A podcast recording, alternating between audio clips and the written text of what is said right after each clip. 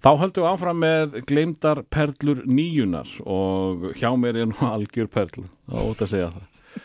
Það er hann Hannes Fríbjarnason, velkomin. Takk innilega. Uh, ég held að þú sést að fara að mála uh, perlufestun okkar einhverjum nýjum litum. Er það? Já, við erum búin að vera að dansa mikið og erum mjög rokkað með Andra Frey Mm. en þú ert eiginlega svona mitt á milli, þú ert ekki mjög harður, Nei, það er popp í stráknum. Það er fullt af poppi. Já, En ég gæti alveg verið miklu harðar en þú setti mér erfitt heimaverkefni fannst mér. Með því að segja gleymdar perlur nýjunar, já, ok. En síðan kom, síðan uh, klinsaði þetta einhvern veginn út með að yrði hafa farið á lista. Já, það er alltaf svo hrættið við það. Nei, ég líka, sko, þa- það sem að hafa svo mikið af þessu dóti sem ég hlustaði á í 90s sem að var ekki eins og nálagt í að fara á Ok, lista. þá, þá, sko- þá bara til þess að þú náður að, að baða þig í öllum svalunum og, og Nei, og það er ekki út af því, en það voru allir að hlusta á það. nú Já, bara eins og Alice in Chains fór ekki mikið á vinsaldalista. Er það? Já, hægri vinstri. Er það? Þú er bara ekki nefnt í rannsóknarvinnuna. En mér fannst einhvern veginn bara svo obvious choice. Það eru örugglega 5 til 10 lög sem er náðu hátt á lista í bandaríkjunum með Alice in Chains. Já, kannski, ég veit ekki. Já, já, já. Það, já, ég held að þú ætlaðir að, að fara í eitthvað sem að enginn þekktir og, og, og, og, og þú ætlaðir að vera með, með þinn svakalega flotta nei. og, benda okkur á einhverja björliðar og Já, ég minna, sumt af þessu sem ég er búin að taka saman er kannski ekki lög sem þú heyrir dagstæðilega. Nei, nei, nei, nei. Og hérna, Það er líka svolítið eh, leikurinn sem við erum að vinna með. já, og hérna, en síðan er stundum, maður fattar alltaf þegar maður, þegar maður, mann er, maður, mann er sett svona heimavinna, hvað hérna, maður er ekkert lengur heldur dómbær á það hvað er geimt og ekki gleimt og Mhm. það allt, sko. Það þetta er bara. Það, fyrir mér er rosalega lítið gleimt vegna þess að ég þarf að Já, finna eitthvað einmitt. nýtt á hverjum degi til að spila. Þannig að ég þekki þetta allt mjög vel og ég held ég að spila sjö á listanæðinum síðusta uh, hálfa árið. Þú sér það, ég er mjög ófrumlegur, sko. Eh, En svo náttúrulega hversu mikið hlustari. Þú ert, eh, þín tónlist eh, heyrist á X-inu og Rástöðu. Já, meira á rástöð, sko. Já, en, en eh, sko af, af sko, þessari? lögum sem já, ég sé já, hér Já, þá hef ég heyrt einhvað af þessu á, á X-inu líka sko. þannig að kannski möguleiki á bylgjöru þetta með Beautiful South ég veit það ekki Já, já, en ég er náttúrulega, ég er mjög popskotin, sko, bara eh, sem karakter. en uh, sko, þú, þú hérna rennur inn í þennan áratug uh, hvað gamall? Ég er 15 ára gammal þegar 1990 gengur í garð. Aha, og uh, þá ertu með smá einhverja forsögu í, í uh, tónlistarvitund Já, já, hvar, hvar varstu svona uh, seint í, í áttunni?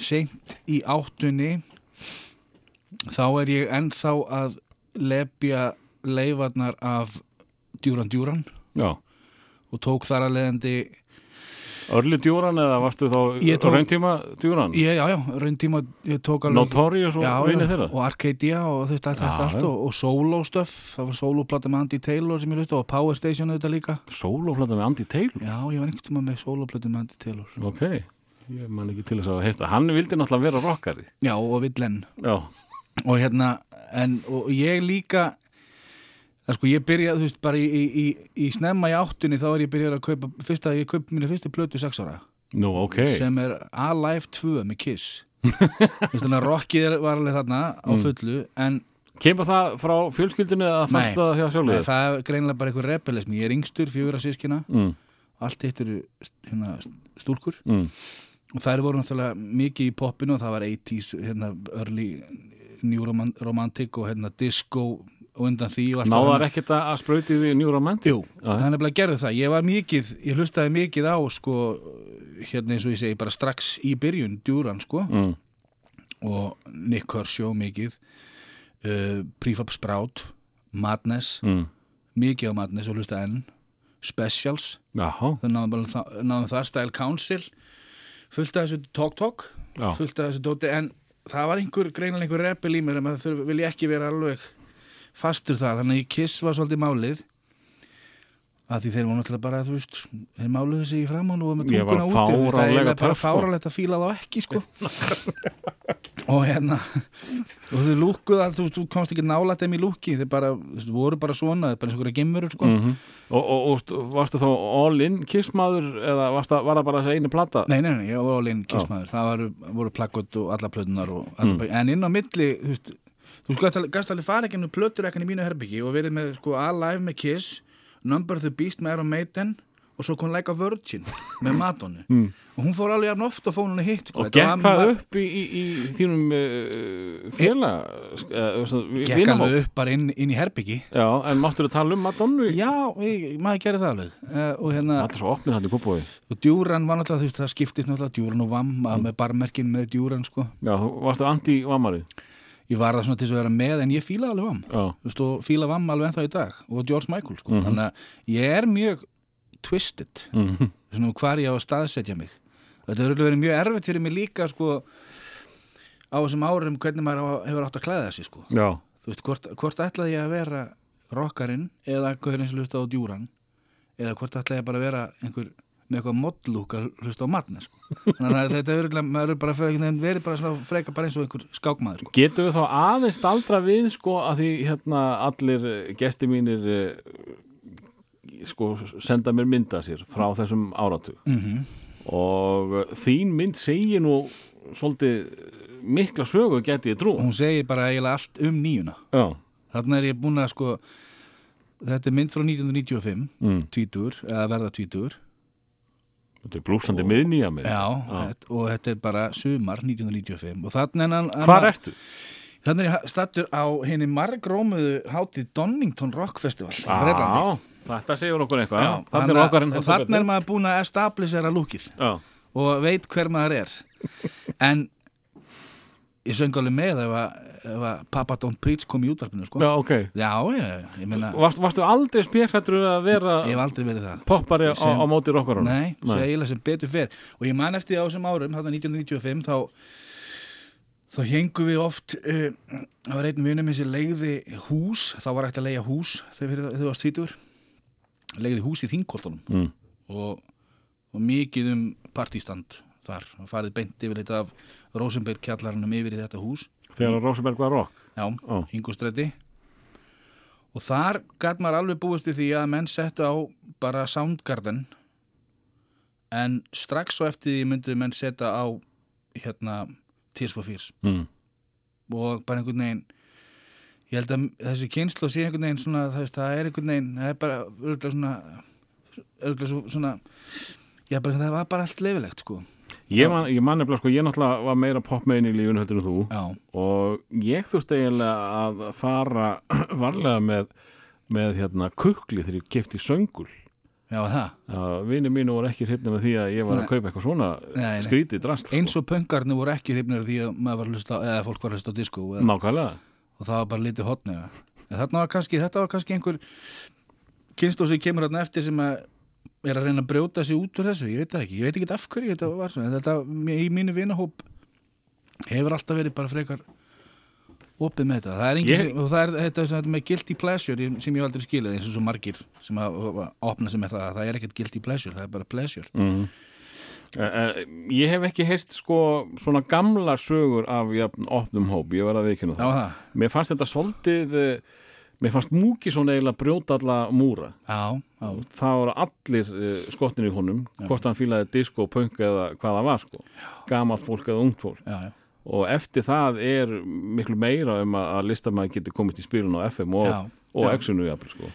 Já, já, einmitt. Og þarna, og kannski á þessum árum þegar maður var í, þá var líka töluvert svona afmarkaðir stefnur sem voru spilaðar á þarna í, í 95, það er náttúrulega early exið, sko. Já, X er 93 held ég Já, og þess að 95 er uxi, skiluru. Já, Og þú, þú veist, það fekk ekki hvaða fáiði sem er að lappin og exið, sko. Nei. Það var miklu strángari reglur þá, sko, þegar að þegar hérna þeir snýtingar voru, þú veist, það, það var, sko mm annað en í dag sem er kannski aðeins opnara og það hefur kannski opnast þarna en ég segi það ekki í svona partíunum þó að menn það hafi læðist inn einhver týrsvað fyrslög eða eða þú veist Nick Kershaw eða eitthvað þá var Rocky sem alltaf í þú veist þetta var svona 80-20 Já, svona skipting skilði En það var semst ekkert ef, ef þú varst í þannig fíling og skelltir góðu sjáti á Mér, þá myndi enginn öskra á því nei, mér var ekki hend út sko. Nei, flott.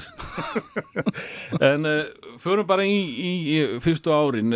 Hérna, þú ert búin að vera að daðra við djúran og, og samt komin í kískalan og allt það. Hva, hva, Hvað er að hylla þig fyrstu árin á, á, á þessum áratug? Varstu það? Já, ég, sko, þarna 90 þá er maður þú veist, svona tiltölulega nýbúin að kynna Guns N' Roses Já, og þannig erst þú að klára uh, grunnskóla grunnskóla Já. og e- ert í efstu bekkjum þannig að þú svol- svolítið maðurinn er það ekki Jú, við vorum með svona, það veist, í skólanum mínum í Kópói var svona Hvaða skóli var það? þingólskóli Mm.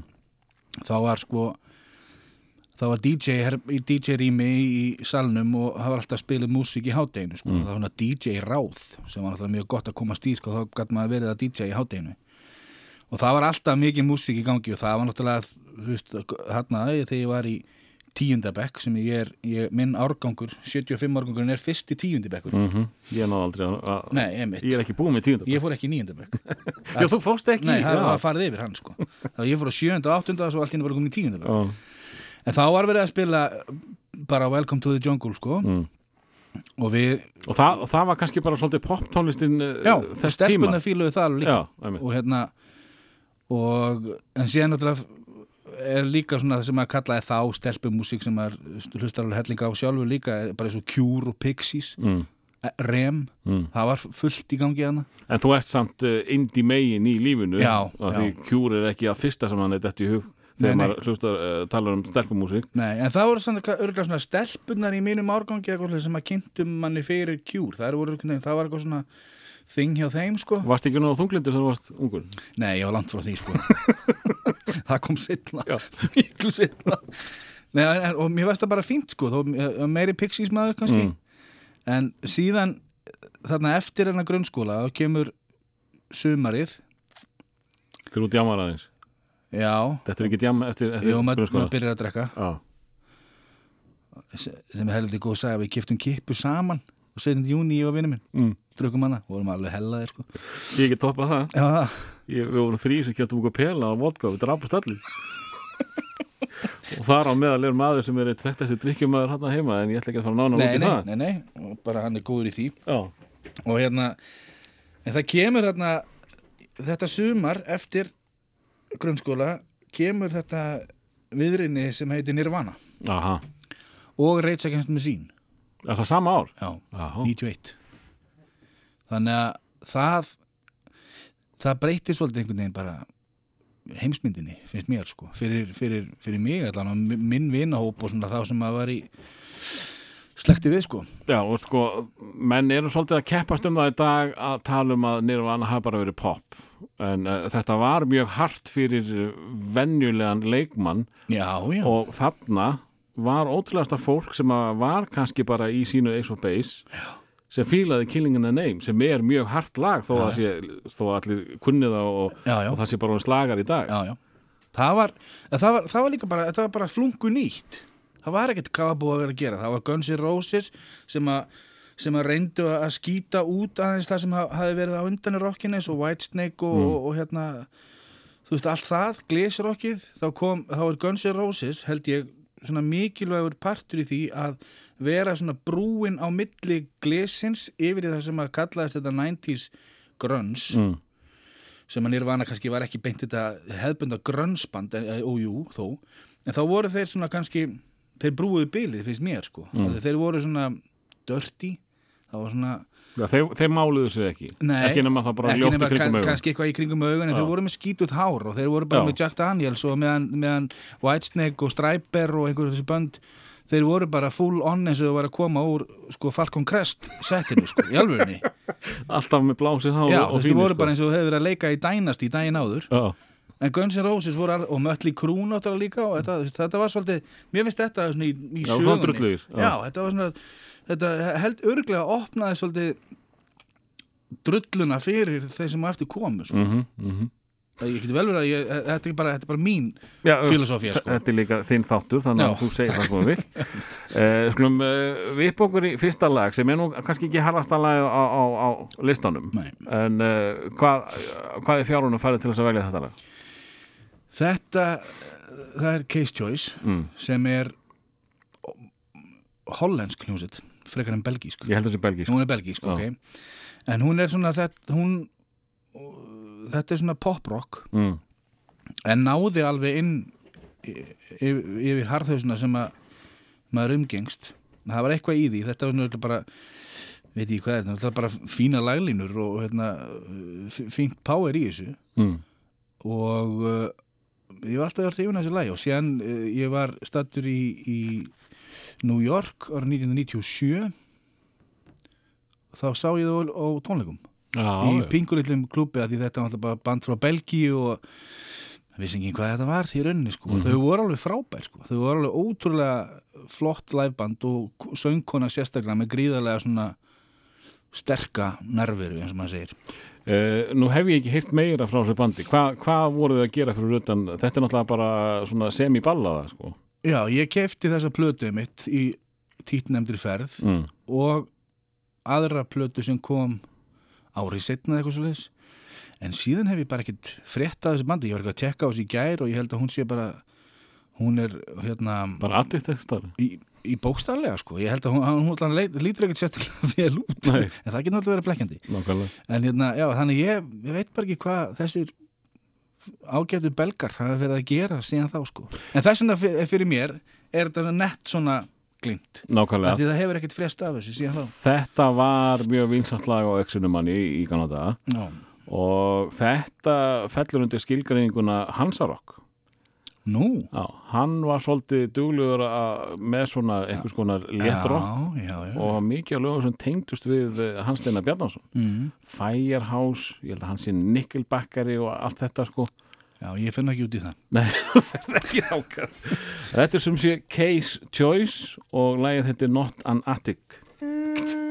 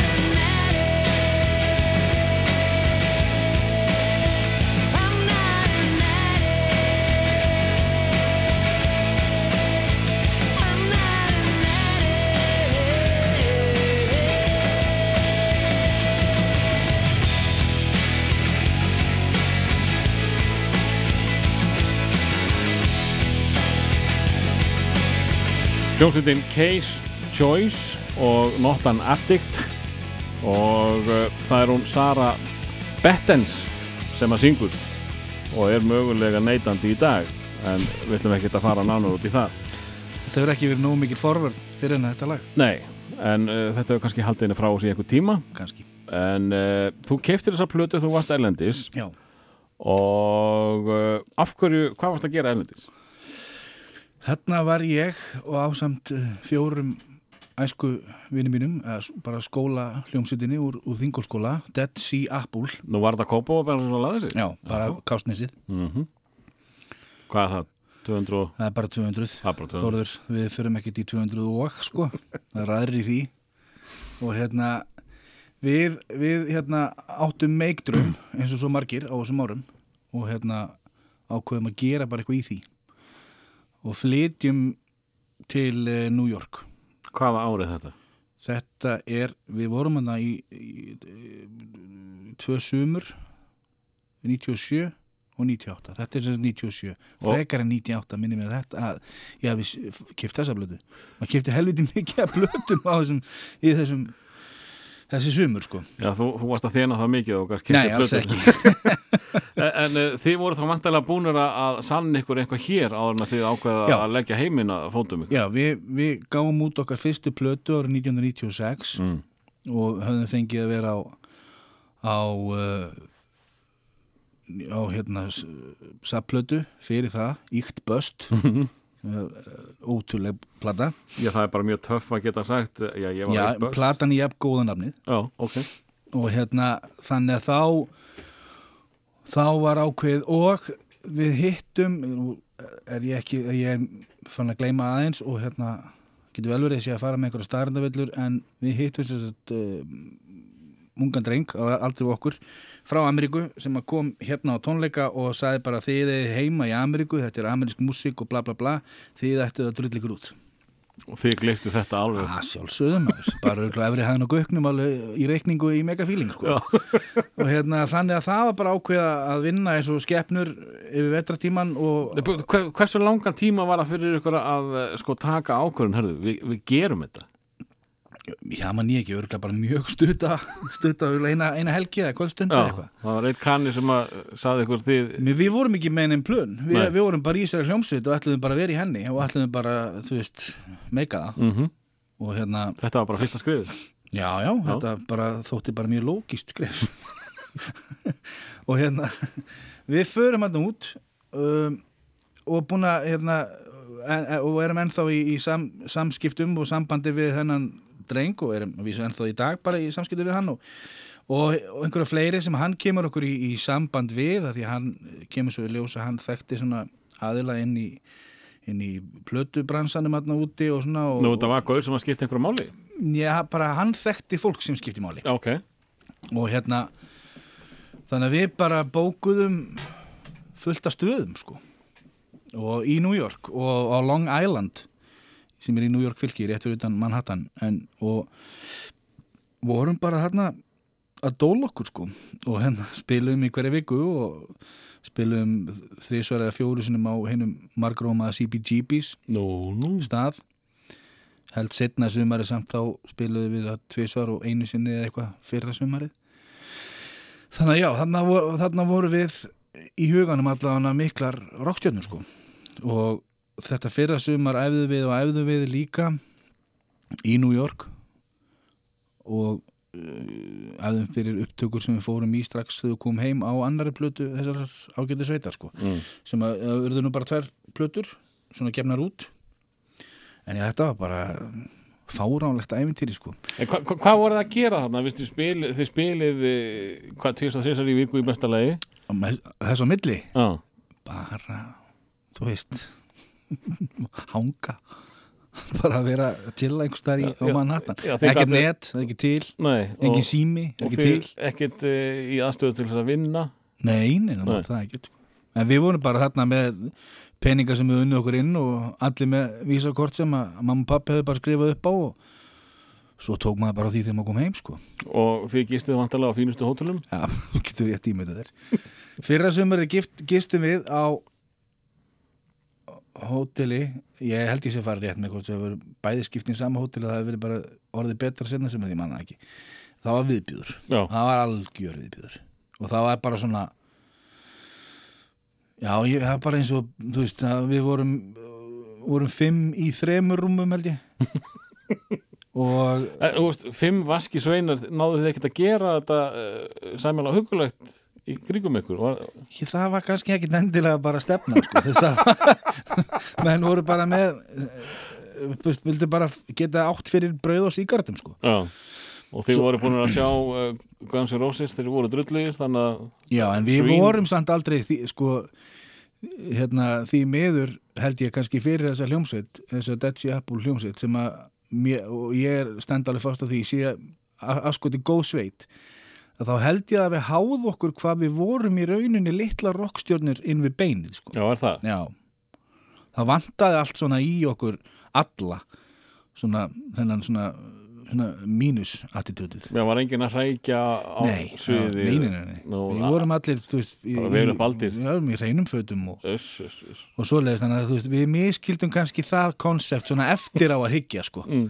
föttum það kannski ekki þá við því að bara vorum ekkert að pæla í því í rauninni. Við bara letum tónlistina tala okkar máli. Já, en þið, þið gerir þetta tvö sumur þannig að, þannig að uh, sko, fyrra sumarið hlýta þá að hafa gengi bæri leg og þið hafa hugsað, herðu, þetta, þetta reddast bara næsta ári. Já, það þetta, gerði það allan að það, og, veist, og þetta var alveg hægt og, og engum fannst þetta vittlisa, ekki einu sinni fóruldrum okkar. Ekki? Nei, nei, þeir fannst bara, bara, já, þið bara gerir þetta. Þau höfðu bullandi trú á þessu öll og sem betur fer, bara erum það hefnir með fóreldra Mm.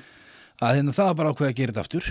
Og hérna og þá var það kannski aðeins öðruvísi þá að því að þá vorum við komnir á samning hjá umbóðskrifstofu sem að rettaði kannski aðeins betri giggum, inn á aðeins betri stöðum eða það- á stöðum sem er kannski aðeins fleiri mættu. Mm.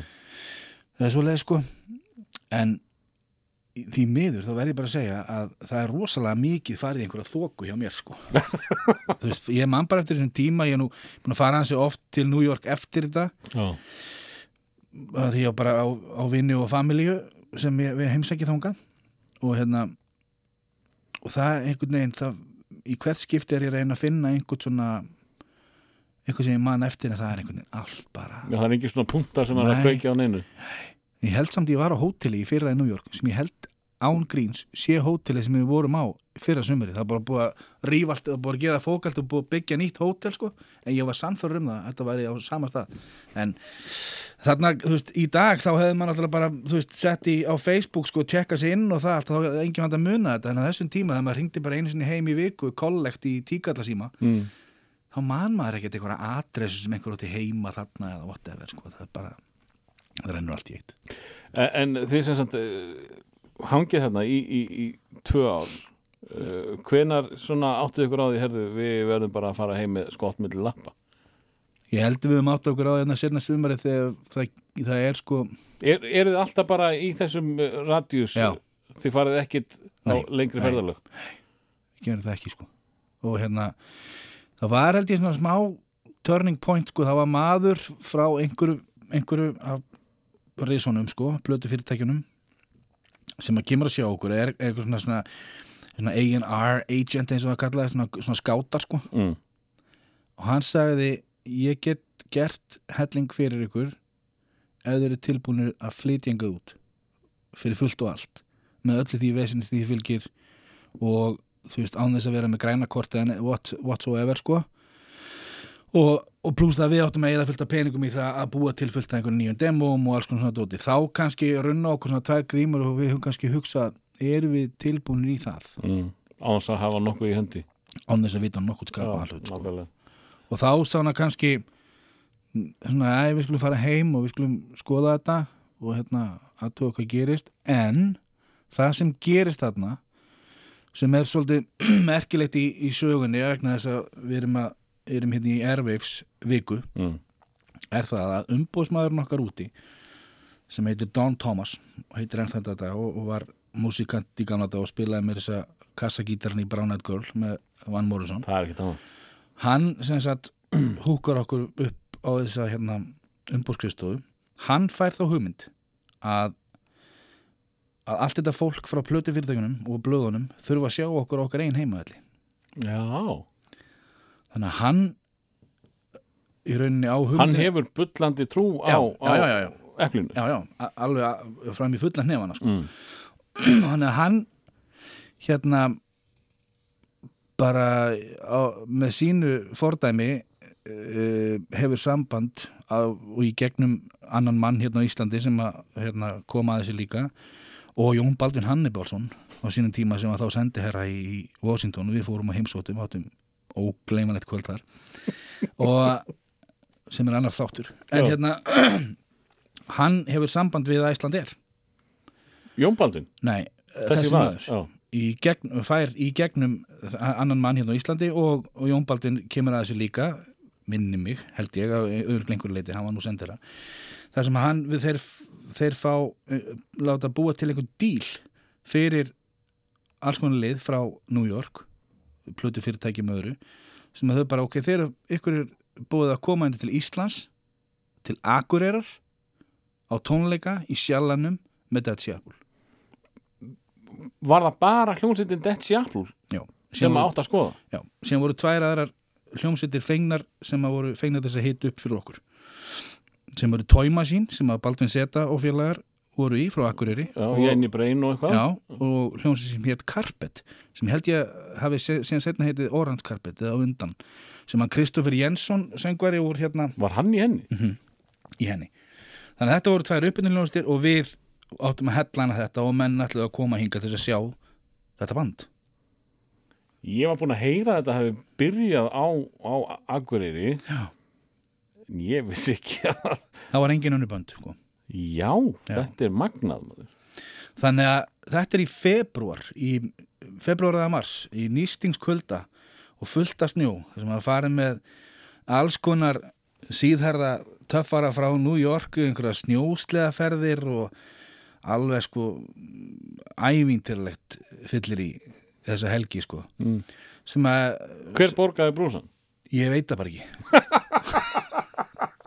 ég bara, í alvörunni, ég veit það ekki. Ég, þú veist, það eru pottitt einhverjir aðri meðlumur úr Dead Seattle sem geta svarað því, en ég, ég bara veit það ekki, sko. Ég Mm. bara ákvað að reyna að vera rockstjarna heila helgi Já. á Akureyri. Ó, Og hérna, þetta verður til þess, og tónleikarnir ganga fínt og er bara eins og þe- þeir voru, Þetta er bara one night only one and only, sjalanum, já, Já. já.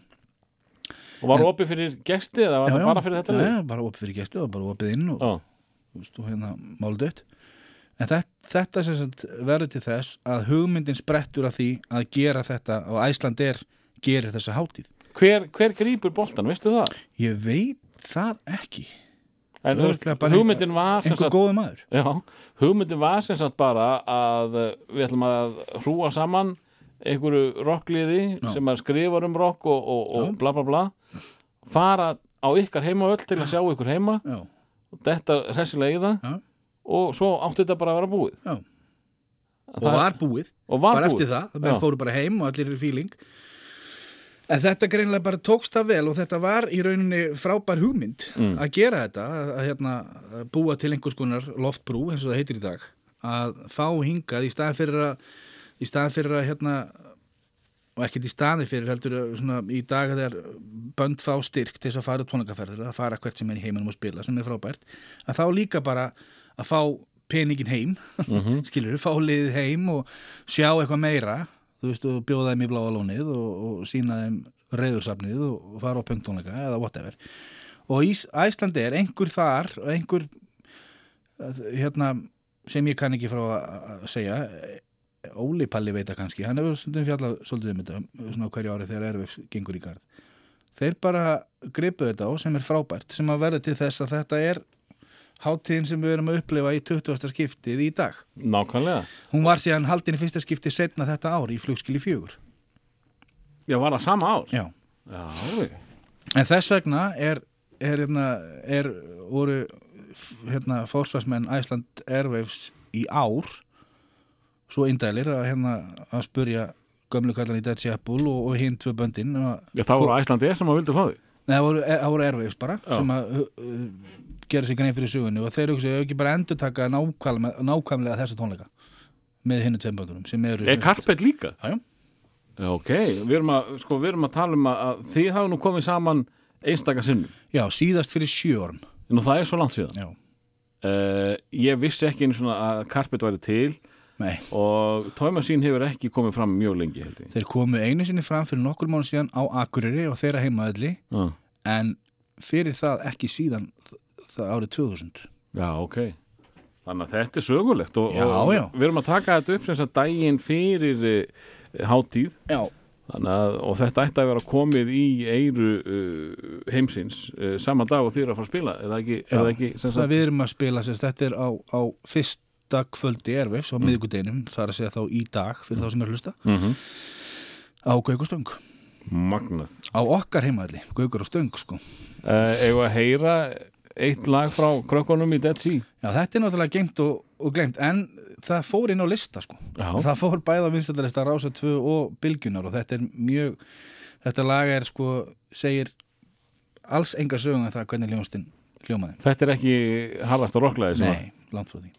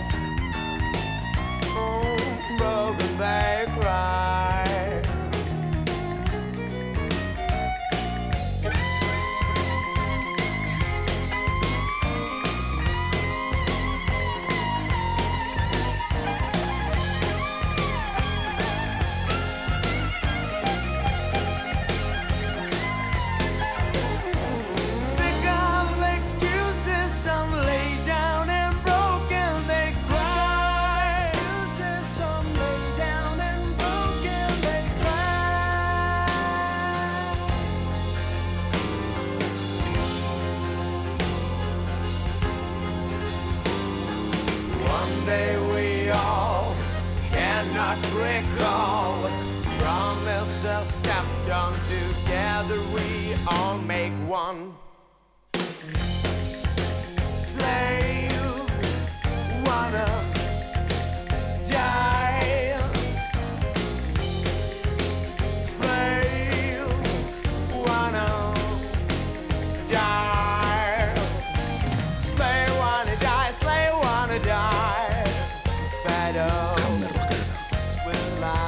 Þetta er hljómsveitin Dead Sea Apple og Sick of Excuses. Já, uh, en þú það fylgdi nú ekki sögunni hvað gerðist þegar þú komið heim því að, að þið eruðu ekki drossalega langli hljómsveit eftir að, að eh, New York æfintýrunu laug. Nei, við komum heim og við gefum út setni plötun okkar Jólin 98 og hörkum eitthvað áfram í því, erum mikið að spila samt hérna heima, erum að spila ofta á Rósebergkjallarunum, á Gaugostöng tveir vinir. Fórum endrum eins út á land Akureyri og annað. Síðan svona í kringu 2000 þá þá uh, þá svona flosnar það upp úr sem menn fara erlendis í nám Mm. flytja og eitt annað og bara eru konum með aðra ráæslur í, í lífinu og það allt, en bandið hætti einhvern veginn aldrei, það var aldrei, aldrei sagt nú erum við hættir. Tókum- Já, það, tókum upp plötu hann í kringum 2000 sem hefur aldrei komið út sko, en hún er á Spotify. Já, og uh, já, síðan hefur þetta verið svona helviti fín saumaklúpur síðan þá. Sko, ætluðum alltaf á sín tíma ákveðu eftir einhvern tíma 2002 þrjú, já, við skulum hittast einu svona ári á að spila og svo hefur þeim skiptið náttúrulega fækkað og síðast spiluðum við fyrir 6 eða 7 árum sko, Já. en það gerir þetta bara skemmtilegra sko. En þið, þegar þið eruð að uh, syngja og leika fyrir uh, gesti þá er það að uh, syngja og leika ykkar músík þið fóruð aldrei í einhvers konar ball Jú, við gerum það, þið fóruð í böllu já, en við, það var undir yfirskriftinni ákveðin svona rockböll mm.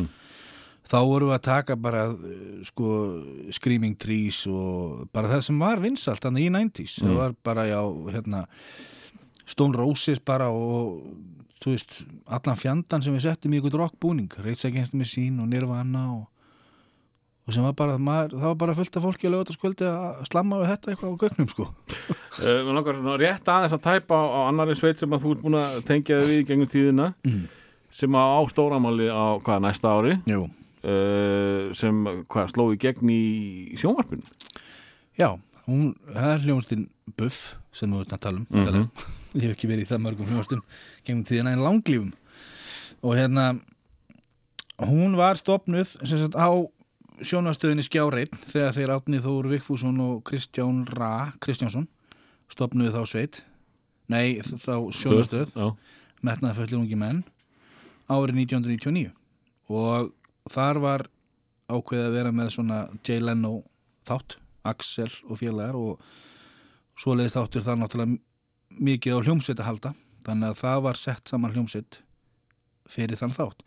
Og hún bara einhvern veginn hvernig, hvernig var hún til? Hvað, ég var er ekki í þeirri útgáfi ég var, ég, var, sko, ég var að vinna á skjáinu var, var með uh, góðsagnakendan sjónastátt sem ég teikni í leikni ásand Villa góða vinni mínum sem er einn af stopnmeðlumum Buffsins þá voru það Villi Góði, Matti Matt Bergur Geirsson og Pétur Örn Jesus mm. sem að voru sagt, Buff í þessum sjónastáttum og það var bara til einhvern veginn svoleiðis það var held ég, var held ég þeir voru beðnir um að setja bara saman einhverja hljómsett sem síðan ægslaðist út í það að gera sketsa líka í þáttum Mm. og út frá því þá byrjar hljómsveitin að spila bara líka á einhverjum böllum, á einhverjum skólaböllum og einhverjum þá detti ég inn í þetta bara freka fljótlega Já, sko. þeir voru ekki með að trommuleikar í Góði- sjónvarpinu. Villi Góði var trómuleikari í sjónabunnu Já, en Villi Góði uh, er náttúrulega ekki trómuleikari. Ég held ég sé ekki að móðga neitt með því. En þá fór hann náttúrulega bara í frontin þar sem hann var bestur sko. Já, þannig að ég var svona fekk að vera, vera trómarinn í því og hef verið síðan. Mm. og, og, og það er kannski ekki allir sem vita af því en, en þið eruð það er þó nokkuð að gera hjá okkur á hverju ári já, já, já, já, já. þið eru svona ásvartíðas Við, erum, við erum svona hérna, ásóttíða hljómsett Mm. par excellence við erum búnir að gera allt hitt sko við erum búnir að við, það voru alveg mörg ár sem við vorum bara, fórum með posan á eigilstaði skilur eða sögokrók og það allt og síðan bara þegar menn eh, venjast í að vera í vernduðu umhverfi þess að vera að spila á ásóttíðum og svoleiðist þá fækkar náttúrulega bara skiptuna sem þú ert að fara í hinn hinn, hinn álmuna Sko það, þessi bransi sem þið eru í núna þið þurfið ekki að taka neina sénsa það búið að Nei, semja og- um alla peninga. Já, já, og þetta er líka bara við erum ekki, ekki miklir áhættu fíklar, mm, morða bara þannig. Og við viljum hafa hlutina svolítið örga og, hérna, og það hefur bara virkað vel. Og í dag erum við alltaf að spila veist, við erum með einhver ásáttíð einhver fögnuð í hverju mánuði sko. mm,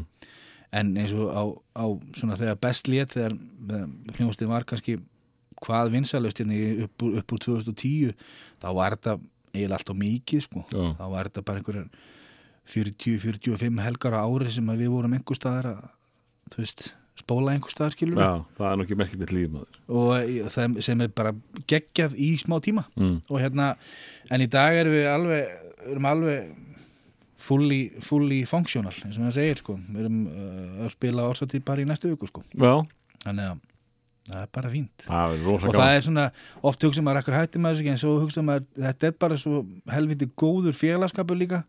Góði vinir allir og allt það og maður vill ekkert missa því. En eins og þú segir, um 20 ára hljón, nafnið, hljónastimbuff er 20 ára næsta ári og hefur gengið ykkur fullt af mannabreitingum og alls konar fólki sem hefur komið og farið í þessari hljómsveit en, en grunnurinn hefur alltaf verið í 20 ár svo sami og það er kannski til þess að gera eitthvað ég veit ekki alveg hvað, við þurfum að fara að setjast niður og, funda kannski eitthvað um það hvað okkur langar að gera Já, þó það var ekki nema eitt lítið lag til að minna á ég held að það, það var nú lámark sko. Já. fjárin hafið í það anskutina Herðu, eigum að fara í e, næsta lag já, Hvað eru að tala um hér? við erum að tala um hérna fersku sveina frá Breitlandi Supergrass Mm.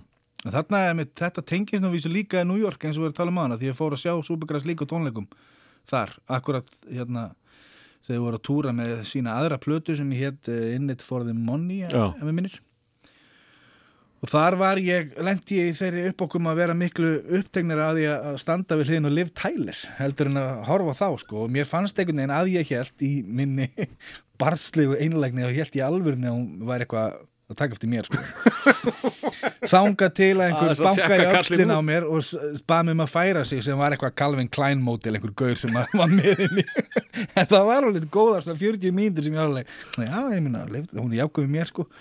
Já, hefur kannski bara fílika allir sko. Ég, Ég held að flest allir karlmenn kannist við þetta moment sko. ha. en síðan bara kom hérna gríski guðin sem hún var með og stóð við hliðina á henni en tónleikan voru geggja og þetta er frábær hljómsveit, Supergrass og hérna áttalegu frábær lög. Sástu þá þegar komið hingað? Nei, ég sá hann að blekki þegar ég kom hingað. Þeir fóru, þú það var bara eh, hérna, sko það bara vissi nánast engin af því sko. Það var einhverju fyllir í sátti í háskólanum þannig að Oktoberfest Já, það, bara eitthvað svipað á það Happy Mondays kom í MH Já, eitthvað svipað. En þetta er sem sé Supergrass og uh, Góður slagari góðurslag og ég er mjög hrifin að því Er, það, er ég ennþá í gangi? Svo? Mjög, hrifin að því þegar lögur er bara svona 2.15 Já, Það er mjög gott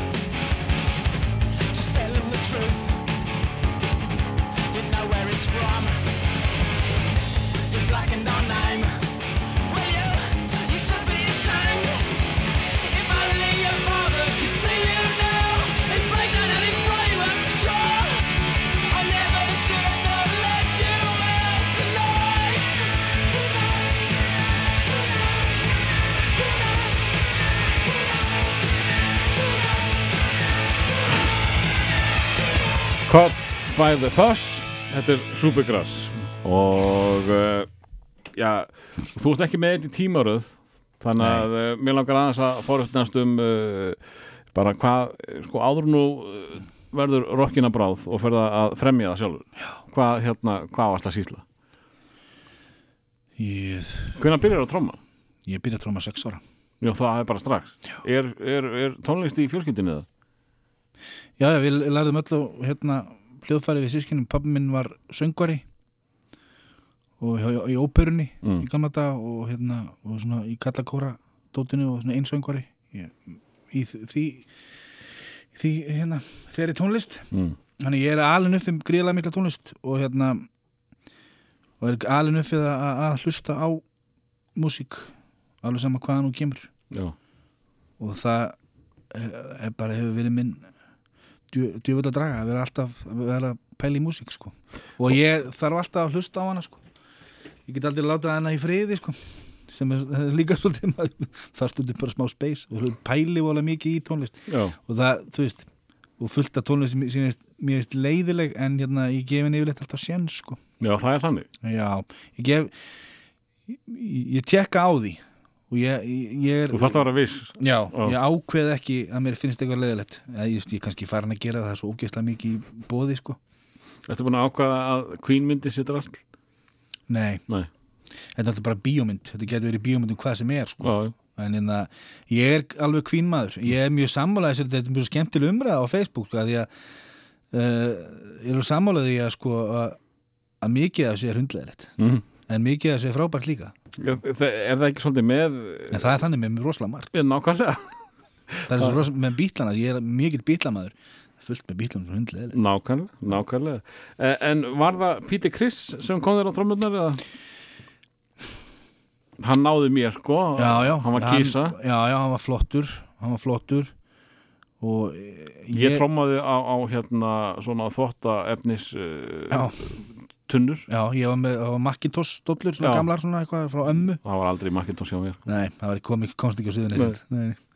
en hérna, ég var bara ég held sko, ég hef verið settur á trómmunar fyrir sliðsni að því að bara held ég hef bara verið ofvirkur sko. Já, Veist, ég var bara búin að berja á allt heima á mér með einhverju. Og það var bara ákveð, ok hvað ættu að láta Hannes gera? Við skulum láta hann í trommutíma og gefa hann eina sneri trommu láta hann berja eins og hana.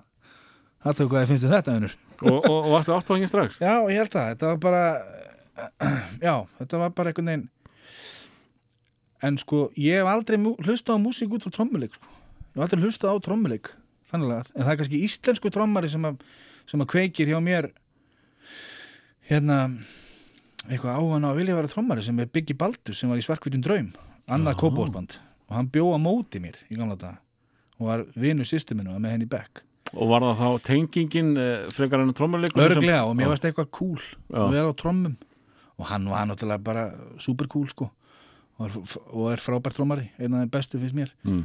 og það er einhvern veginn svona held ég að kveikt í mér frekar en einhver útlensku trommari sko það er eitthvað svona einhver, einhver, einhver átrúna góð eða þó Carr hafi verið, eða Peter Criss hafi verið geggjaður sko og Erik Carr í Kiss setna, aðeins setna sko. Mm. En, en eh, sko, þín tónlist er hún ekkit meira trommudrifin en uh, annara kannski? meini, Nei, hlustaðar hellinga músík sem er ekki með trommurum sko. það er ekki trommar í því. Áttu, áttu þér uh, merkilega bílskúsbanda sögu? já, hvað er merkilegt? Hvenar, hvenar fórstu að stunda bílskúra? Við, stopnaði, að- við stopnaði við, við erum þrýr saman sem stopnum okkar fyrst til hljómsveit þegar við erum 12 ára. Og spilum okkar fyrsta balli í, á jólaballin í Sjötabekk við vorum þrýr, eða vorum fjórir og spilum Hard Day's Night Mm. með bílunum og eitthvað eitthvað viðbútt sem mann ekki hvað er. Og það, þá einhvern veginn síðan þá hef ég bara verið í, í bílskur Já, var ég í bílskur bara í tíu ár tíu, tólf ár. Og í þessari fyrstuljónsett er hérna einn af mínu bestu vinur sem heitir Haraldur Sveinbjörnsson sem er tónskáld í dag og gefur út sitt eigið efnindu nafninu Red Barnett. Mm. og hann var í Dead Sea Apple og er líka þannig að við höfum svolítið haldist í hendur með þetta og eins og Sea Apple þetta tímabil maður gerði ekkit annað en að vera inn í skúr sko. og leiðum skúr nýri á vestu vöru í Kóboi nýri við höfn þar sem að Spessi er í dag með ljósmyndastúdjó og við vorum held ég bara þú veist alla daga þar inni. Eh, Er Sea Apple eh, fyrsta bandi sem kemst út úr skúrnum uh, að einhverju viti? Já, að þínum sveitum? Já, en ég var, ég, sko, forverið þess að Shepherd var ég með honum Hallafinu munum og svona fleirum band sem hér Timberman mm. afskaplega svona 80s-legt popnafn á hljómsveit.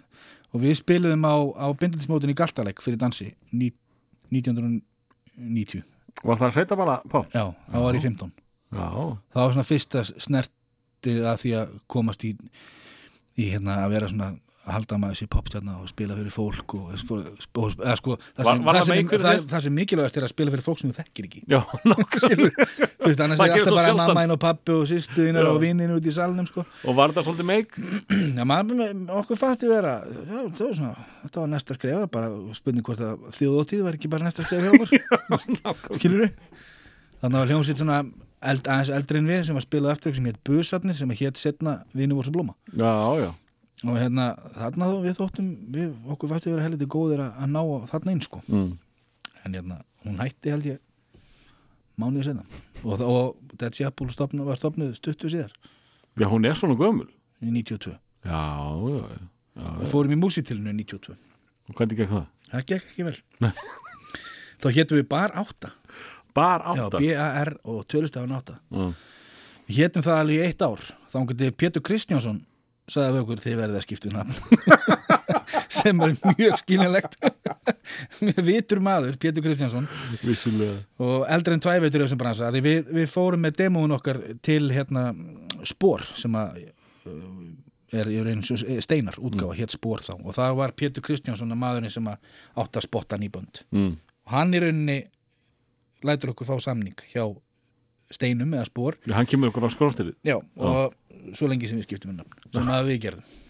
Og þetta er náttúrulega mjög töff nafn Þetta, Apple, það, þetta var svona, þetta þótti kúl þá alveg eins og, þú veist, margt þótti kúl. Herðu, næsta lag, Semisonic sem að ég held að væru algjörir eh, einsmellungar, uh, kona mín á það til að syngja Closing Time þegar fólk var að fara að hátta sig. Mér finnst þetta skemmtilega lag. Þetta hef ég bara aldrei heyrt. Þetta, þannig að við getum sagt Þetta að var þetta mjög vinsalt nefnilega Þetta árið sko, þetta, þetta, er, þetta, er, þetta er, er síðnýja. Mm, Þetta er sko svona 98 eitthvað svo þess og hérna 99 uh, bý ég á Baronstík og var með eitthvað partí. Og æsku vinnu minn hafði þá verið um sumarið að vinna í einhverjum sumabúðum eða eitthvað fyrir krakka í Philadelphia. Mm, og kom heim með þessa plötu þennan disk og sett á fónin og þetta var bara svona þetta er svona háskóla rocks uh, svona stelpur rock sko. Mm. ef maður getur kallað það. Svona singalong og, og hressis myndalegi menn. Bara, eitthvað sem þú tengir vel við? Já, einmitt. Verandi sjálfur hress og myndalegur þetta er sem sé uh, hljómsveitin Semisonic og Singing in My Sleep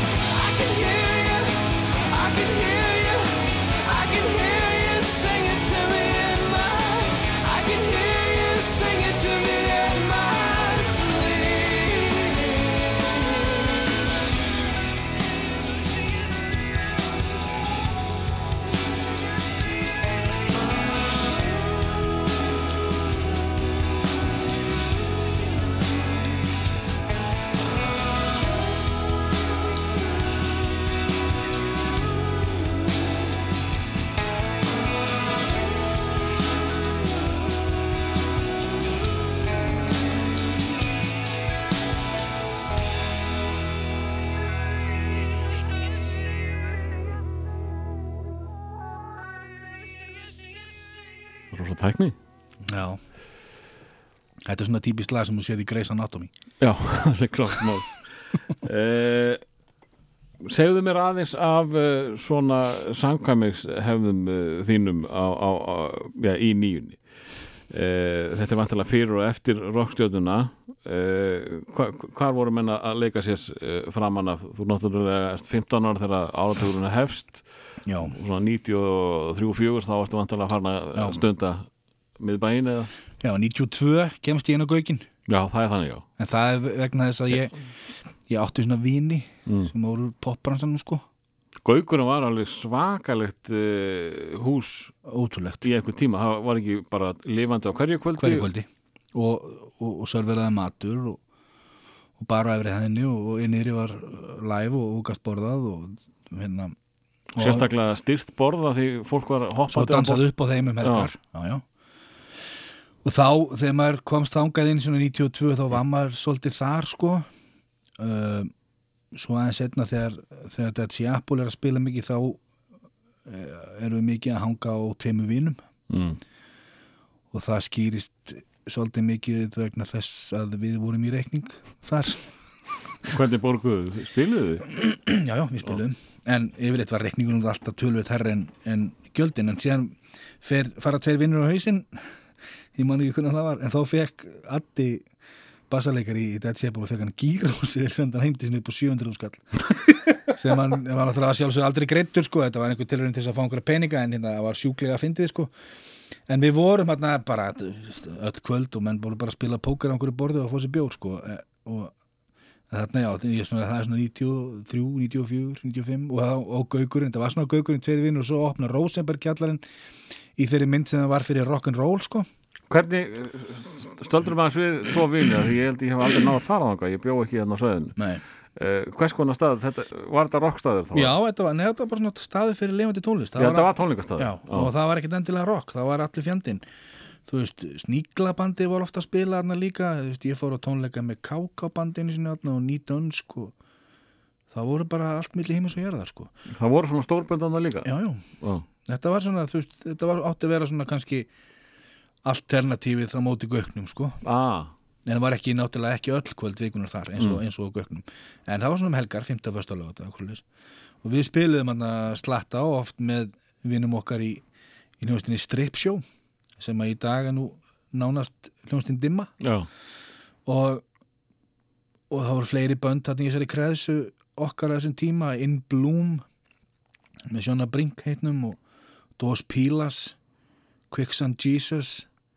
Byrju, það Finni og Frans. Finni og Fransi Quicksand Jesus þeir, voru, þeir, manna, þeir byggu í íbúð bara göttinu uh, næsta húsi við tvo minni þannig að þú getur rétt ímyndaðir gangin þar á milli, minni mig minni, alveg- og síðan voru, náttúrulega ákveðnir svona kongar í þessari kreðsu sem voru Djarpa Djó. Já, þeir voru svona stjörnunar mhm og hérna Þa, þannig, er sko, það er svaka uppgangur í uh, rockinu á Þa- Íslandi á þessum tíma þarna á þessum tíma er rockið bara poppið mm. Þarna voru allir að hlusta á Jeff Blá Jó bara vinsast að hljómsveit já, lagsins já, þarna voru bara allir að hlusta á, á Nirvana eða Black Rose eða Blind Melon eða eitthvað svona mm Mhm. afturkvarf síðhippa stöff eitthvað sko og síðan við kannski, við sem vorum kannski í þunglindinu eða svona þessi harða þunga kannski Alice in Chains og, og Soundgarden og, það stöff og síðan Pearl Jam en allir hlustu á Pearl Jam, stelpuna líka. Mm. Þannig að það var bara runni pop. E, ég, ég, sko, gegnum tíðina hef ég, þegar ég hef talað við eh, svona eh, stjó, þá sem er að stjórna þessum stöðum þá talar alltaf um að þeir eh, spili stelpupopp til að fá stelpunnar Já, af því að þau vita að strákarnir koma og elda já, já, það meir um það að strákarnir eldi stelpunnar heldur en augu miklu meira. Uh, en þarna sko, með, sko á þess að ég fái einhverja kæru á mig uh, en uh, strákar eru hrifnar á rocki heldur en stelpur. Það er bara klart mál. Já, örglega í svona generalt sko. Já, svona heilt yfir, uh, vissulega fullt af stelpur sem að uh, hlusta miklu meira rock heldur en margir En á strákar. þessum tíma þarna í nýjunni þá er rocki bara nummer 1 og 5 Já, þá er engin, ég man ekkert eftir einhverjum stelpum sem voru hlust á Ace of Base eða, eða. Spice, Girls eða eitthvað. Spice Girls, þetta, Spi, ég man bara eftir, ég var í statur í Breitlandi 1995 þegar Spice Girls bara bókstæðlega springa út sko. Mm. og ég man að það var þá bara fyrir einhverja krakka. Já, einmitt. Skilur það var engin tvítugur að hlusta á Spice Girls Já, það var ég- engin að kaupa sér blötuna sko. Held ég, Hefur þú þetta? nei Þetta er þinn innri maður að reyna að láti þín? Já, ég get bara sagt þér það að ég heyri hér bara fréttir í, í hausnum á mér. Ég var að fá næsta lag meðan að þetta uh, ruglar uh, hausinn minn? Hefur þetta er farið aftur? Þetta var skrítið maður af því ég er bara með tvo sleða uppi það er ég og þú, annaði niðri. Og Ég, það, það, bara, kom ekki til mér það kom hann hann að Jóhann Bjarni Já, að tala um vinnu við eitthvað slökk, já, ok. Þetta var skemmtilegt. Og ég, sko, þetta er ekki upptökunni. Nei, ok. Þannig að ég, sko, nú hald allir að ég sé hún geði ykkur. Já, já, Herðu, Spacehawk þetta er nú svolítið uh, út úr kúmið af það sem við erum búin að heyra hinga til. Já, þetta er líka bara mjög út úr kú bara við allt sem ég hef hlustað á í gegnum tíðina. Eh, að því ég í rauninni veit ekki um þetta band nema það að mér finnst þetta bara vera algjört one hit wonder í 90s mm. sem þetta er held ég þetta er in the meantime en ég man eftir að þetta var spilast á action í ganga Já, Ná, ég man eftir það var nokkuð stór smellur sko. kannski yfir hans yfir einn af þeim þetta er hansarokk kannski Þetta er Hansarokk, fáum meira Hansarokk hérna.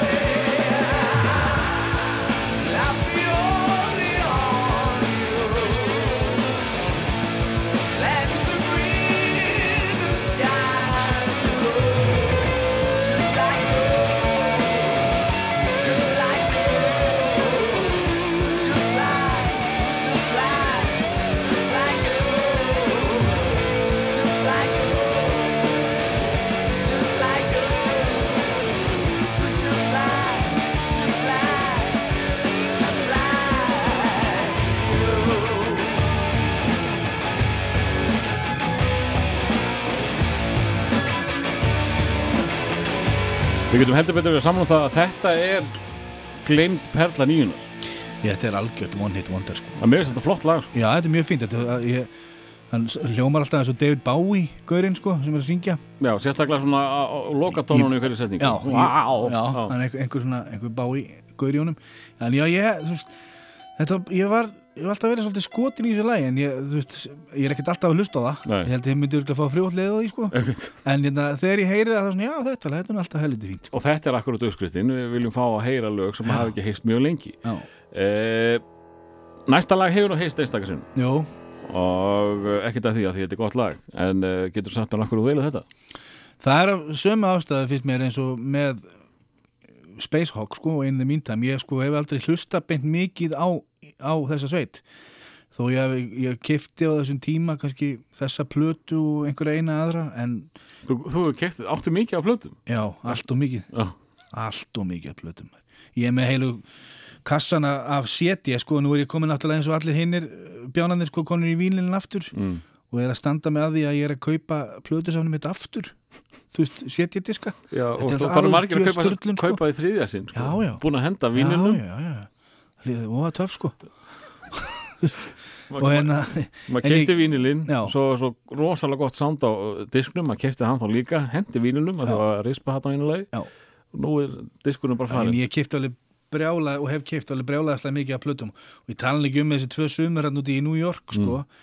Það sem að diskurinn kostaði kannski bara dólar eða eitthvað, bara svona, þú veist, þú getur allt önnur, allt önnur hérna, allt önnur verðlag og, og bara filosófía about, eða, sko, um, með, með verð og plötur og það allt.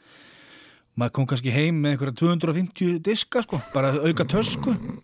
Þetta er bara enda lust sem er kannski svolítið skrítið að ég veit að uh, strögglandi rockljónsveit á ekkert endrast að peningum. Nei, nei, en að koma ég heim kipti plötu frekar en samlóku það er alveg á hreinu enda var líka Liv Tyler að svolítið að skoða kallið Já, sko. já, ég finna, þú gaf- hann um að auka þegar hún leit niður. Og sá hann. Ég veit ekki betur en þú hafi gefin eld. Ég gaf hann eld, ég, ég fór upp á tætnar og, og gaf hann eld Nei, hérna, þessi hljómsveit Eels er svona, þetta er svona sérvitríkaband sko. og uh, aðalgurinn sem ég mann ekki hvað heitir sem er nú bara, bara í hann er, hann er bara bandið sko. Já, En ég hef alltaf fílað þetta lag og það var nokkuð lög þessari plötu sem ég fílaði, plata sem ég kifti eftir að var svona, greip mig ekki alveg eins og þá einhvern veginn þarf ég satt. Mm. Ég er ekki gauðin sem að mun, fylgjað eilífi Nei, eins og ég er að fylgja Divas Mode sem er búin að gera ömulega plötu núna já, það er bara svo það. ég kifti U2 alveg þangað til Actung Baby, kom út og hef ekki kiftið eina plötu með henni síðan þá. En það er ekkert að því að, þú veist, mér hef bara, mér, mér þykir þér ekkert eins góðir í dag, þó ég, ég myndi alveg fara á U2 tónlengi í dag og alveg bara finnst það geggjað. mm. En, og, og, og finnst YouTube frábær hljómsveit en ég, ég, ég ætla ekki að hérna, þetta er ekki hjónaband sko. Nei, ég, má, ég má fara. En ertu ekki giftið neinum? Er, Kiss ekki þú ert ekki að kaupa Kiss í dag? Þeir gáðu plötu fyrir tveimur árum Nei, ég kaup ekki kissi, en ég kaupi Paul McCartney. Já, þú ert giftur honum. Já. það er sama hvað hann gerir. Fuck you og, og allir hans vinir. En, já, ég, ég er einmitt að fara að sjá hann núna í desember í annarskiptið, Já. en inna, já, ég, mér finnst hann bara að hafa sjaldnast slegið félnótu er sérstaklega í solo mm. pakkan, nýja platan er, er, er finnst hún frábær. Þú frábæri Já. Já. uh, allan að svona 68% af henni frábær. Sem er náttúrulega magnað því að hann er er áttræðis aldri. Já, 76, það er bara helvitið vel að sér vikið, já, ég held það. Þú veist. Heyrum í Íls. Já.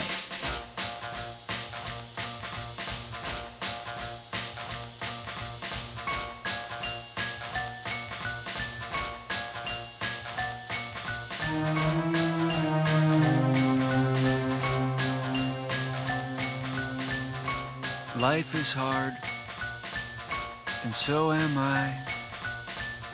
You'd better give me something so I don't die.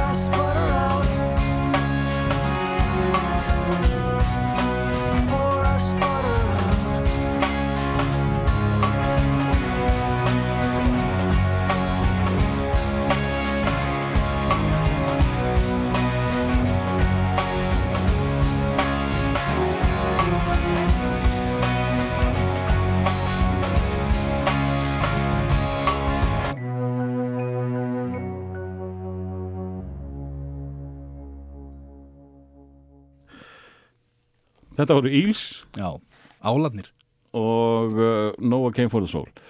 Uh, Við vorum að tala um uh, ellina. Mm. Við erum svolítið að vinna með hana báða tvið maður er að færist hraðbyr í áttina að því. Uh, Sko, það náttúrulega var frábært þegar neti kom á sínum tíma. Já, að maður gætt kafaði allt þetta sem að maður átti ekki til þegar maður var lítill. Já, já, uh, og sko, svo hérna kemur Spotify líka þar sem að allt er til. Já. Og maður fekk svona æðið í að gera lista með bestu lögum Já, já. í heimi. Já. Ég, ég og alla bestu listana á Spotify. Já, já. bara eins og, og maður gerði mixtape í gamla dag Já, nákvæmlega. En svo náttúrulega þegar maður er búin að gera það og, uh, já, já, best að fara að skoða um hvað nýtt, maður nenni því ekki Nei, maður þarf að, maður þarf að maður þarf að vera í alveg sérstöku stuði. Mm. og hérna allir að benda mér, hörru, tjekka á þessi þessi, Já, ég ætla að tekka á þessu, svo bara fer ég upp í bíl og ég er búin að stengli Nákvæmlega, og ef að fyrsta lagi nær mér ekki alveg strax Nei. þá bara að planta nú Ég er svolítið þar í dag. Nú, er bara, nú finn ég bara, Þórður, að tíminn er bara að fljúa úr höndunum á mér. Nú, nú, er bara, nú er þetta stittast sko. Það var betra að að hlusta aftur á gammalt Og þá, kissla nei, þá líka nenni ég ekki verið að eyða tíma í það að, að láta einhverja hljómsveit, hljómsveit eða einhvern artist eða hvað það er sannfæra mig um með tíu lögum að þau séu góðir. Mm, þú skalt bara fá að sannfæra mig með þú væri tvö lög. Mm. ef annað er eða gott þá hlusta ég á næsta. Hlusta á eitthvað svo leis Ef það komið tvö léleg þá er það búið.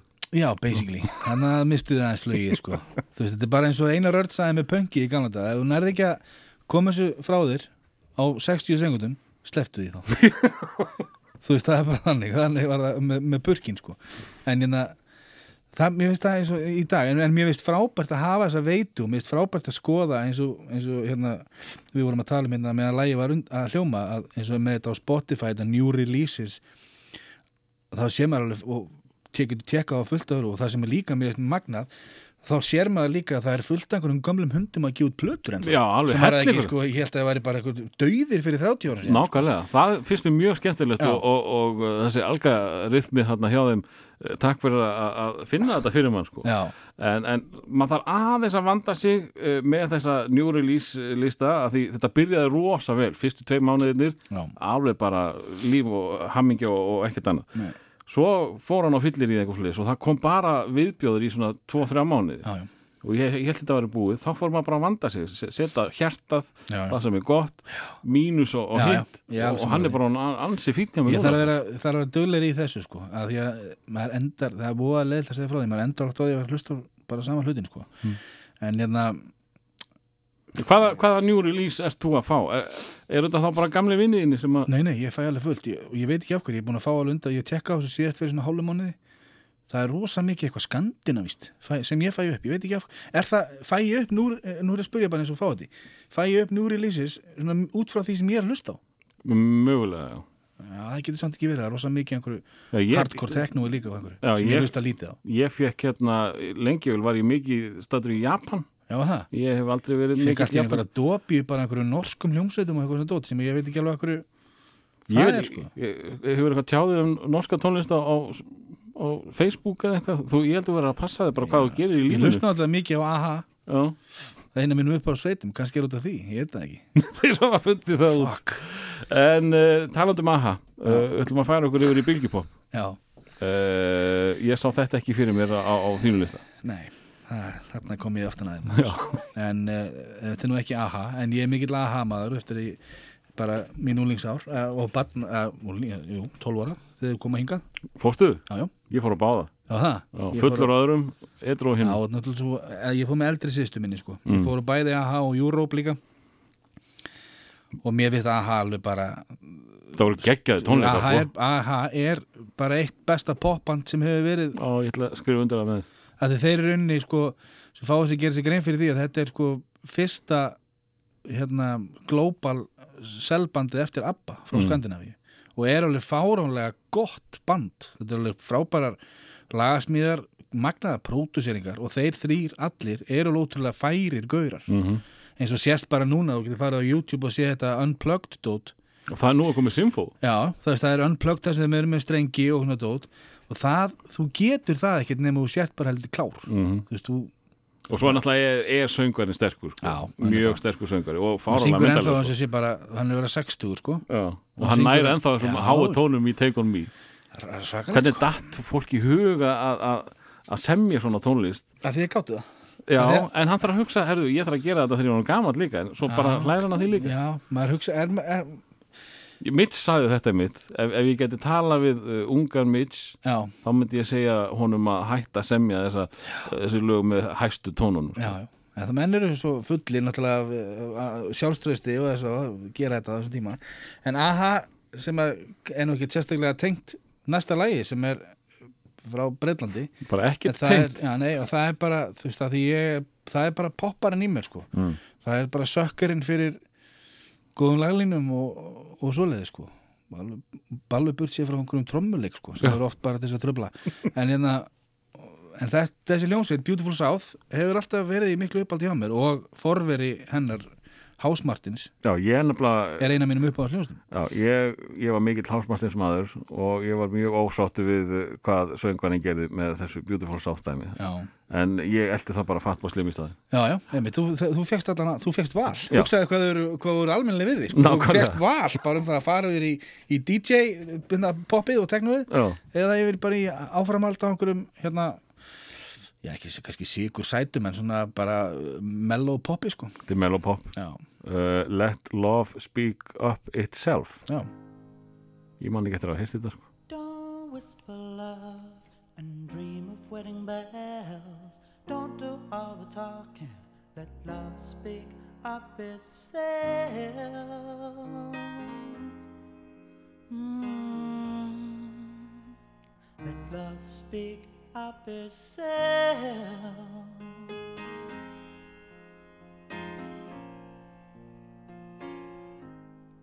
So when you feel a little tired and unhappy with your face, let it breathe into us and put you back in place. Let it breathe, let it breathe. From the dead came unto us to the dead ones who leave, for it will, it will go. And it will not say goodbye just like it didn't say hello. There will not be a send off, a funeral or mass, just a pathetic little vodka from a dirty little glass. To the world's greatest mom, from the oldest swinger in town.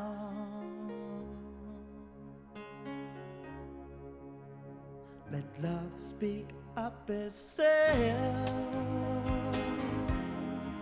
Ah, let love speak up itself.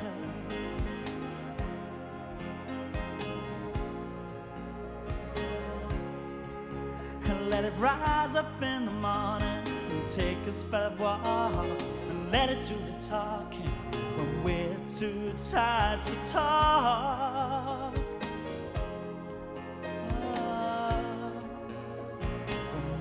Too tired to talk.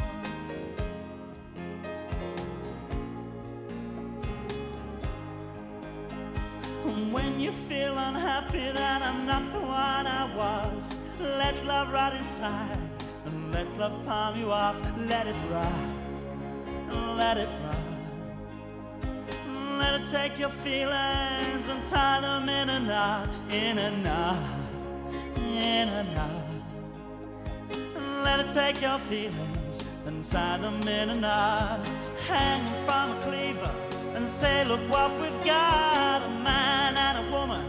And guess what they forgot? To the world's greatest mom from the oldest swinger in town. Let love speak up itself.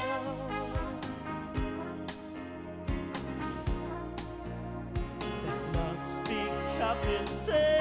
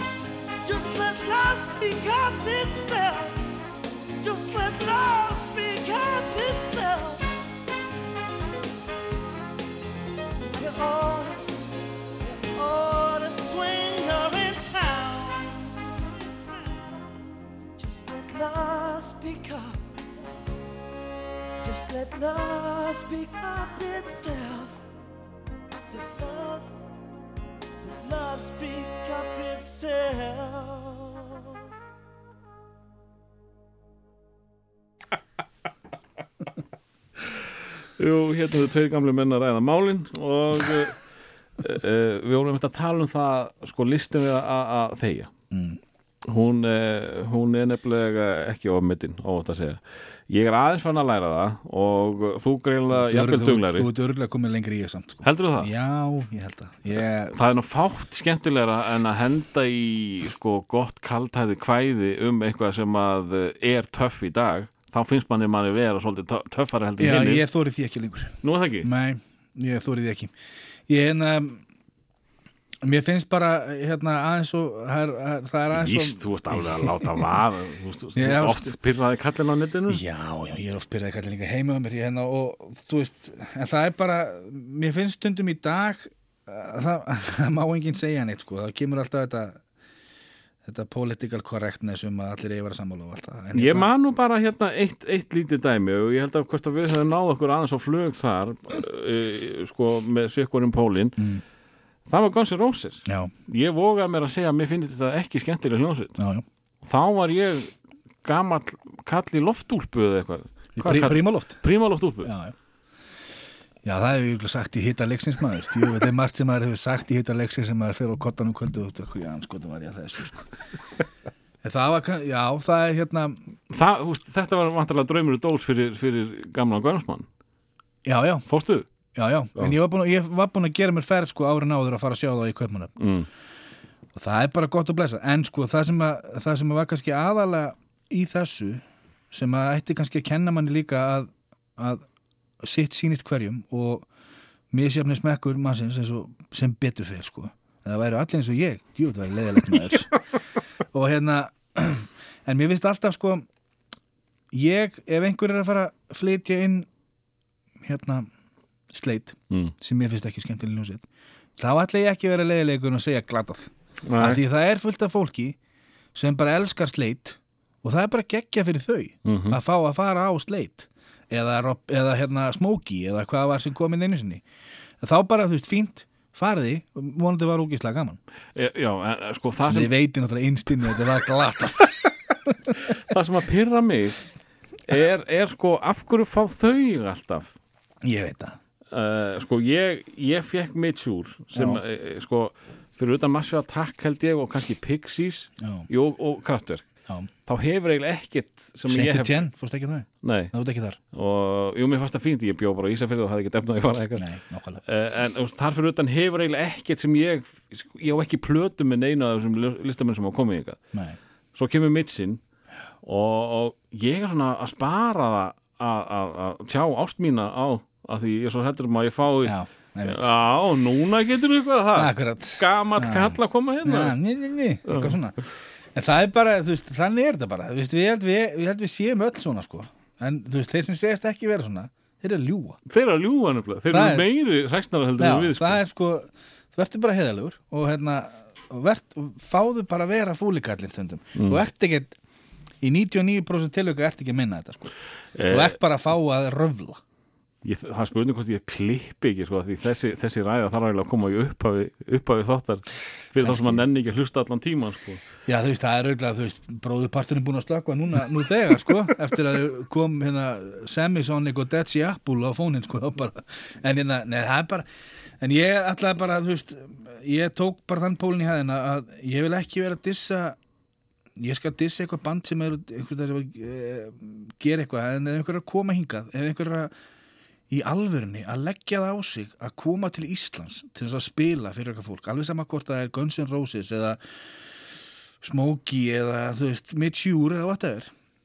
Þá, og að það er fullt af fólki sem fer það, finnst það ekki það veikt þá er það alltaf bara tilgangun náð, þá er það frábært.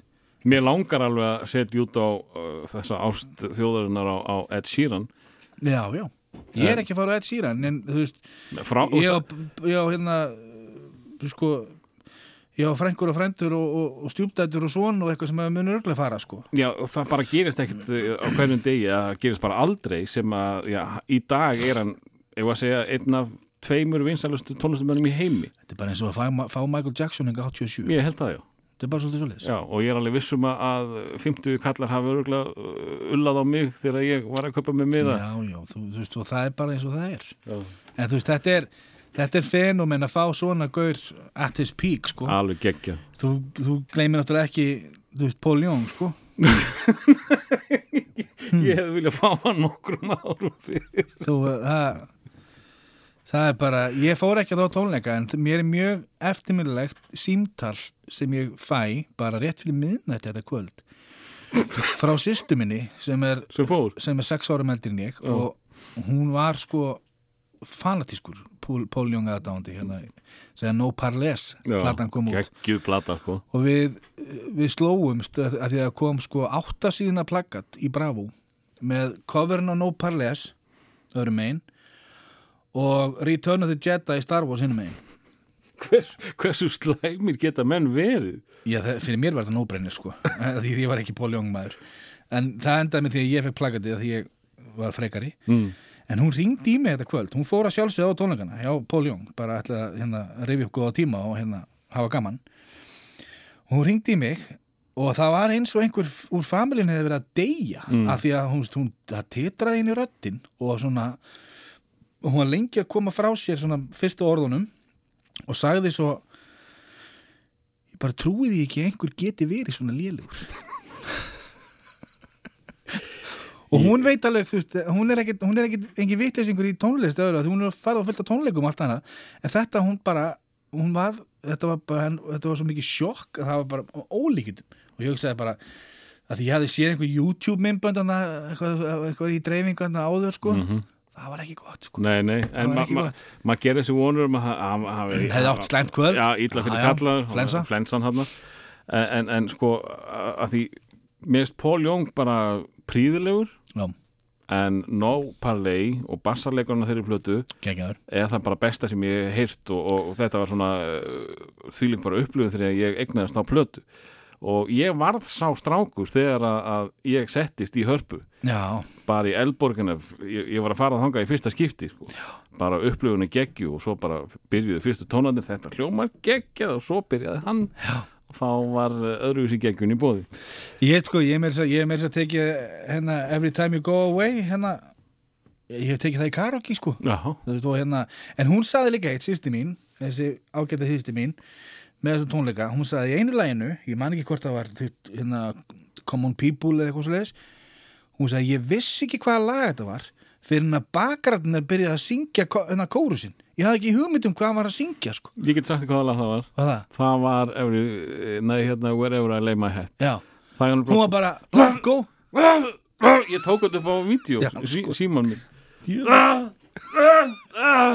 Og svo kom hann Já. bakrættin Herðu, En þetta er kannski er varnaðar orð til þeirra sem er, sem er í, í því góða starfi að flytja inn alls konar poppara þá er held ég alltaf peningum velvarið að skreppa til Köpen eða London eða eitthvað og sjá aktið mm -hmm, og taka svo, skrifa svo undir. Ég, ég hérna sko, þegar Mitch kom hérna í Studio 12 deginum áður hann var ekki góður sko. Ekki? Nei, ég var skítrættur að, að ég var að fara að sjá nýjan Pól Jóng sko. En hann eldi það. Skoskan Pjól Pól Jón hann eldi það. Herðu, við ætlum að loka þessu á einu þetta er ekta, ekta hann er sko. Þetta er Jack Daniels og Það ekki. er ekkit annað Sko þetta er hérna á hvað enda þetta á góðu partíi sko, Mm. því að það er náttúrulega að byrja hérna RVF og svona.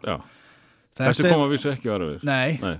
ég er ekki, myndi þetta ekki komast held ég bara ef þú myndir leita eftir því en þetta er hljóðastinn Choir Boys sem mm. heitir vísu já London Choir Boys en þeir hafa aldrei verið undir því nafni Nei, veist, logoið þeirra stendur ekkert London Choir Boys er þetta ekki einhver lögfræði issue? Ég veit það ekki Já, kannski það er einhver, er einhver, einhver drengjakór í London sem að getur mi- mis- miskilist Þeir komu hingað tvísvar Tvísvar? Já, ég held ég.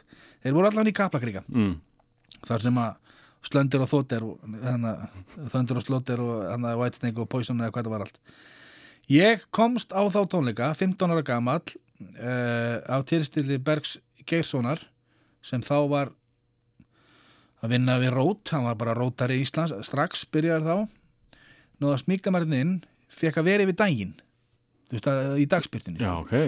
Og London Choir Boys spiluðu þá og voru svo helvíti flottir maður í hlébarða buksum og með, með bandana og sítár og ringi í eyrunum og ara, þetta var bara rock þetta var bara rock og roll. Var þetta heilla litla drengin? Já, mér varst þetta bara svo mér varst þetta bara cool, þannig var bara eins og verið komin einhverju gaurir frá LA stattir eitthvað í kaplakrika, maður aldrei séð svona gaura, þú veist, bara í kögrinu og bara eitthvað sem að þóttur mjög eðlilegt á, á Sunset Strip sko, en þeir voru bara hann í kaplakrika í, í 60-unum sko, bara mér varst þetta bara cool, þeir áttu þrjú lög. Það er þetta lag sem við ætlum að heyra. Þeir áttu balluðu sem heit I Don't Love You Anymore. Og Hey you, Hey what you, can you do? What can you do? Já. Don't you stand by your man when another girl can eða eitthvað svona dót. Aldrei verið góður í að pick up textana sko en, þetta seven o'clock þetta er bara þetta er lag sem að við ættum ennþá að taka til fyrirmyndar, þú veist, byrja bara snemma. Seven o'clock, time for a party. Við hefum ekki verið að byrja svona seint á kvöldin og vera að fara í nóttina sko.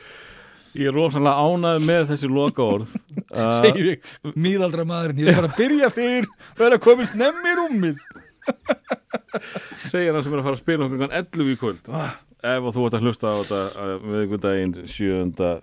Nei, jú, 7.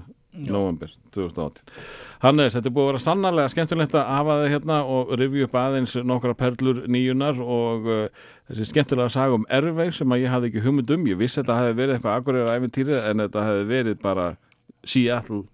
Seattle það er bara mjög gaman að heyra það. Mín var ánægð bara og takk fyrir að, leiða mér að koma.